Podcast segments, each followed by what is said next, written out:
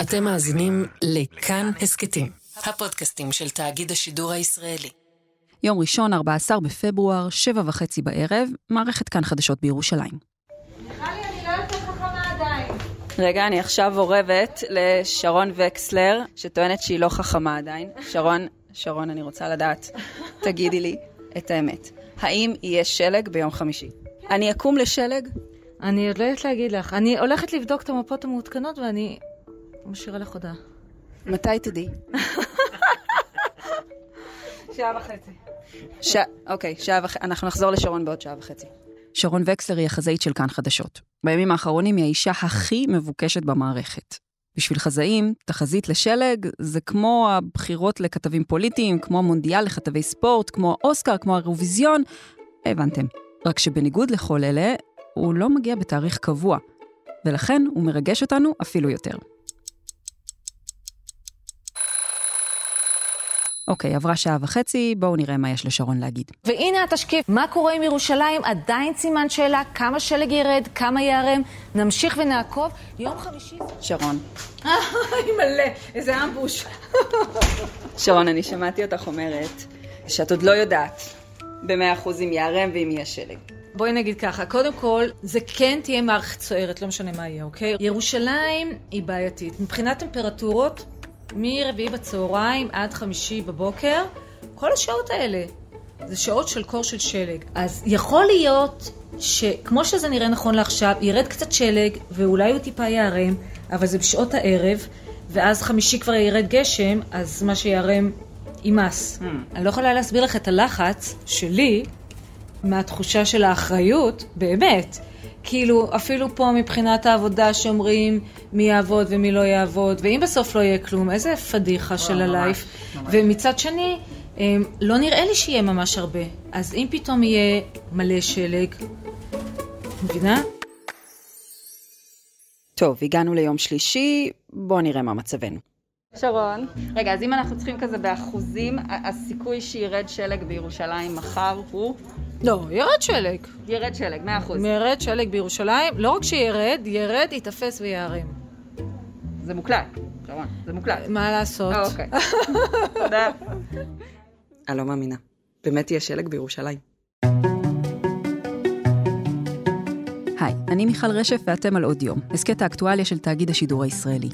ב-20 הדקות הבאות ניתן לכם הפסקה מהקורונה והפוליטיקה עם הסיפור הכי אופטימי שאפשר למצוא היום בישראל. שלג. לבן, רך, כזה שאפשר לשחק בו כמו ילדים קטנים גם אם אתם בני 70. ואם אתם ירושלמים, אתם כנראה מחכים לו כבר מהארוחות הראשונות של נובמבר. הלוואי שירד שלג. אני מאוד מצפה שירד שלג. אני ממש מצפה לשלג, זה הולך להיות ממש מרגש. אני לא ראיתי שלג אף פעם. זר לא יבין זאת, אבל בכל שנה סביב חודשי החורף השמועות על שלג בבירה עושות להן כנפיים. אנשים מרפרשים בחרדה את ירושלים, אפליקציית מזג האוויר של ירושלים, וכל אחד נהיה מטאורולוג חובב. מצליבים מודלים, משווים לשנים קודמות, ובעיקר מנסים לחשוב חיובי. שלג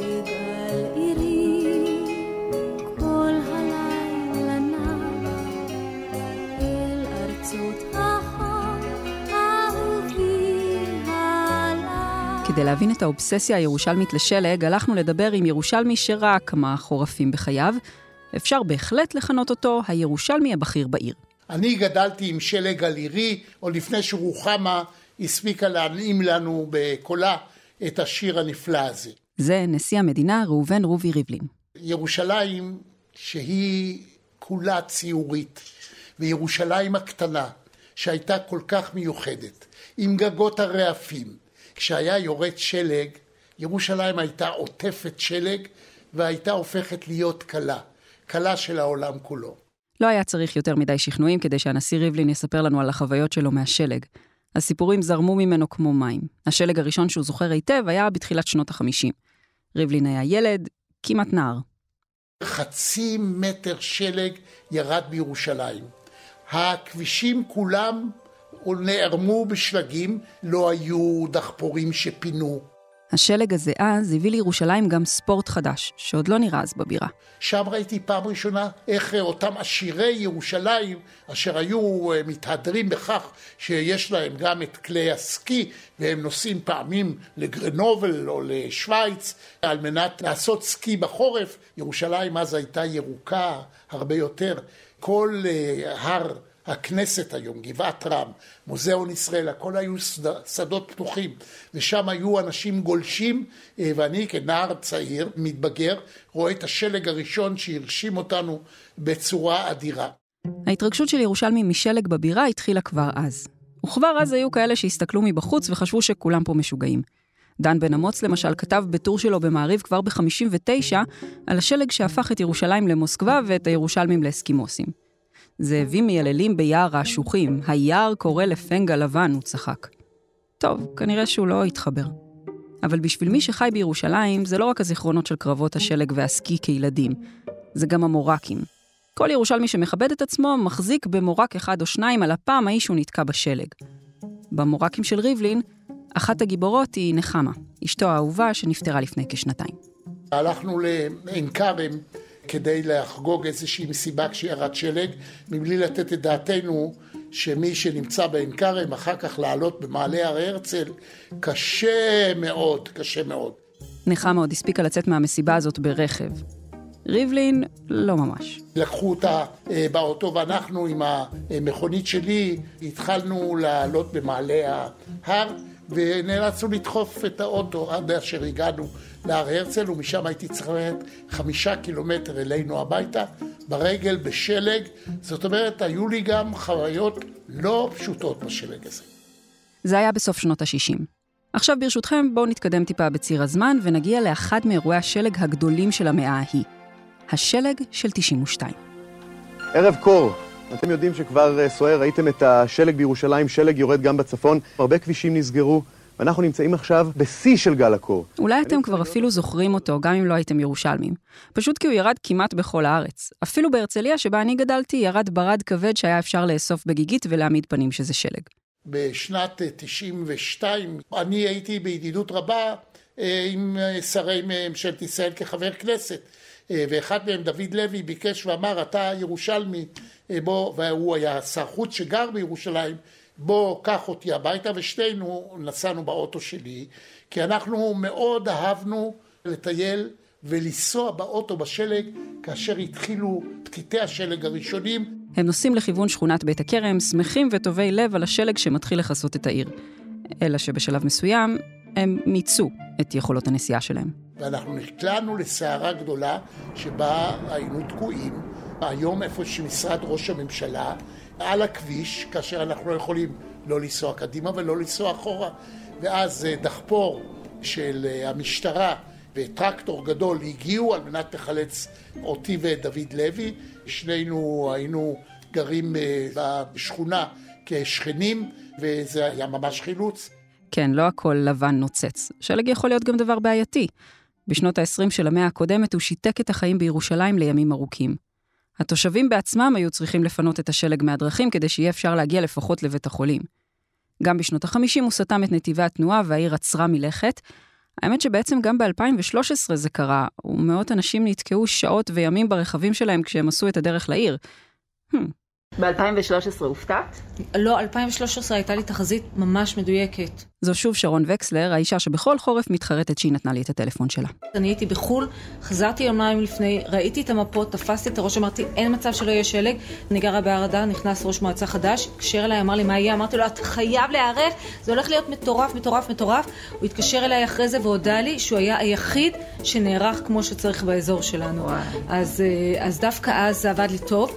אני חשבתי שאני אגיע הביתה, אז הגעתי רק עם נעלי עקב וארנק לעבודה, ונתקעתי בעבודה שלושה ימים עם ארנק ונעלי עקב, שלא היה לי לא מה לעשות עם נעלי עקב ולא עם ארנק, כי הכל היה סגור. אז, אה, אז אמנם ידעתי, אבל זה לא הועיל לי באופן אישי. כן, נראה שלמרות שהאנושות כבר שלחה אנשים לירח, למרות שבנורבגיה יש לימודים ועבודה לכל אורך השנה, גם בשלג, פה זה לא אירופה, ובישראל הקטנה והשמשית עדיין לא למדו איך להתמודד עם 20 סנטימטר.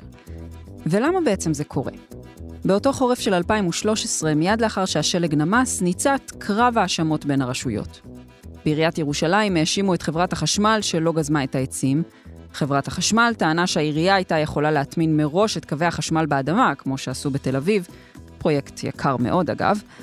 החיצים הופנו גם לכיוון צה"ל, שלא נתן מספיק מכוח האדם שיש לו, ולא שלח חיילים לעבור בית-בית עם מנות קרב לתושבים הנצורים.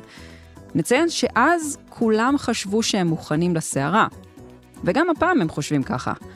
אבל הם גם בטוחים שיש דברים שהם פשוט כוח עליון. אנחנו uh, צפויים uh, להיתקל בתרחישים של uh, קריסות uh, תשתיות חשמל, קריסות של עצים בעקבות הרוחות העזות. מקווה שלא נראה את התמונות שראינו ב-2013 של... אז אולי זה לא שלא יכולים, אולי פשוט לא רוצים. טדי קולק היה ראש העיר המוצלח ביותר שהיה אי פעם לה לירושלים, והוא היה מאותם אלה שהיה נכנס לפניקות שכולם היו באים ואומרים מה אנחנו עושים כשירד שלג העיר תיסתם. עד 1967 היינו בעיירה בשלג כמו בשוויצריה. היינו מבודדים וידענו שאנחנו מבודדים. אבל כאשר ירושלים הפכה למטרופולין, היינו צריכים לדאוג לכניסה להדסה ולפינוי הדרך אה, ביציאה מירושלים. ירושלים בירת ישראל, איך לא יגיעו אליה? וטדי היה בא ואומר, אני מבינה הגעתי. שלג בירושלים זה חג, ובחג לא עובדים, ובחג לא צריכים להיבהל מזה שלא יוצאים לרחובות עם המכוניות. מה אתם מתרגשים כל כך? להביא זחלמים, לגייס את הצבא. זה חג לירושלים, כולם שמחים. בחג אנחנו הולכים לעבודה, בחג אנחנו דואגים לאן ניסע ולאן לא ניסע, אנחנו שמחים, אל תדאג. כן, זה אמנם חג, אבל אין לו מועד קבוע. וגם האמת היא שיש לו חלון הזדמנויות לא ממש גדול לבוא. שלג בפורים זה עניין לא נדיר במיוחד. זה פרופסור דניאל רוזנפלד, מומחה לאטמוספירה מהאוניברסיטה העברית, איך לא, בירושלים. פברואר הוא החודש השלוג ביותר אה, באופן סטטיסטי. חלון ההזדמנויות הזה לא עבד לנו בשש השנים האחרונות. שוב ושוב נאלצנו לשמוע את המילה המבאסת גראופל, זה מגרמנית, או שלג פתח תקווה למתקדמים, על שם השלג שירד שם ב-92 ובקושי היה אפשר לעשות ממנו איש שלג ראוי. ואולי מכאן האובססיה שרק הלכה והתגברה לאורך השנים. כי פתאום זה מרגיש לנו שהחג הזה די נדיר.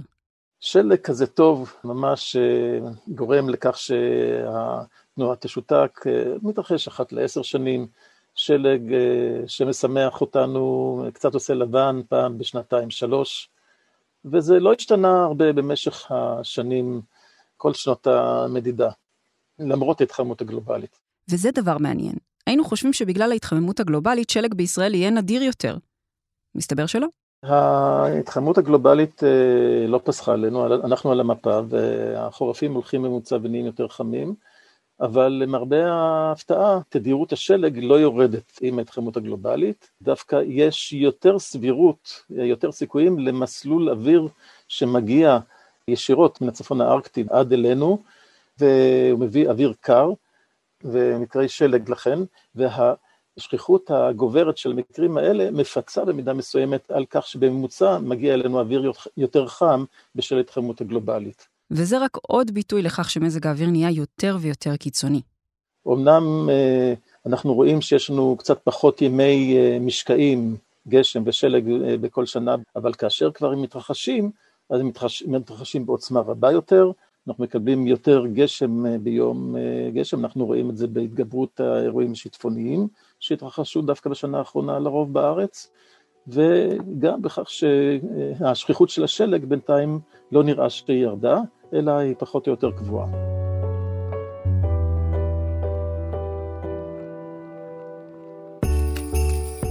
ייערם או לא ייערם? זו השאלה. שלג בירושלים זה הרבה יותר מסתם משקל לבן וקפוא. זה חג. זה רגע שבו הזמן עוצר מלכת. אין חילונים חרדים, אין פוליטיקאים, בחירות, אפילו אין קורונה. כולם עוצרים ומתעסקים רק בדבר אחד. אחרי שנה כזאת, אם יש משהו שאנחנו צריכים וצריכות עכשיו, זה בדיוק את זה. אסקפיזם טהור בצבע לבן. עכשיו רק שירד. מי שלא ראה את ירושלים עטופת שלג, את גגות הרעפים, את המגדלים של המסגדים ושל הכנסיות, את כל השכונות סביב לנו, את כל העיר העתיקה והר הבית עטוף בשלג, לא ראה דבר יפה מימיו. ולכן כאשר אנחנו ירושלמים שומעים שלג בא לעירנו, אנחנו מתרגשים. האזנתם לפרק של עוד יום. ערכו אותו דניאל אופיר וניר גורלי. עיצוב פסקול רחל רפאלי.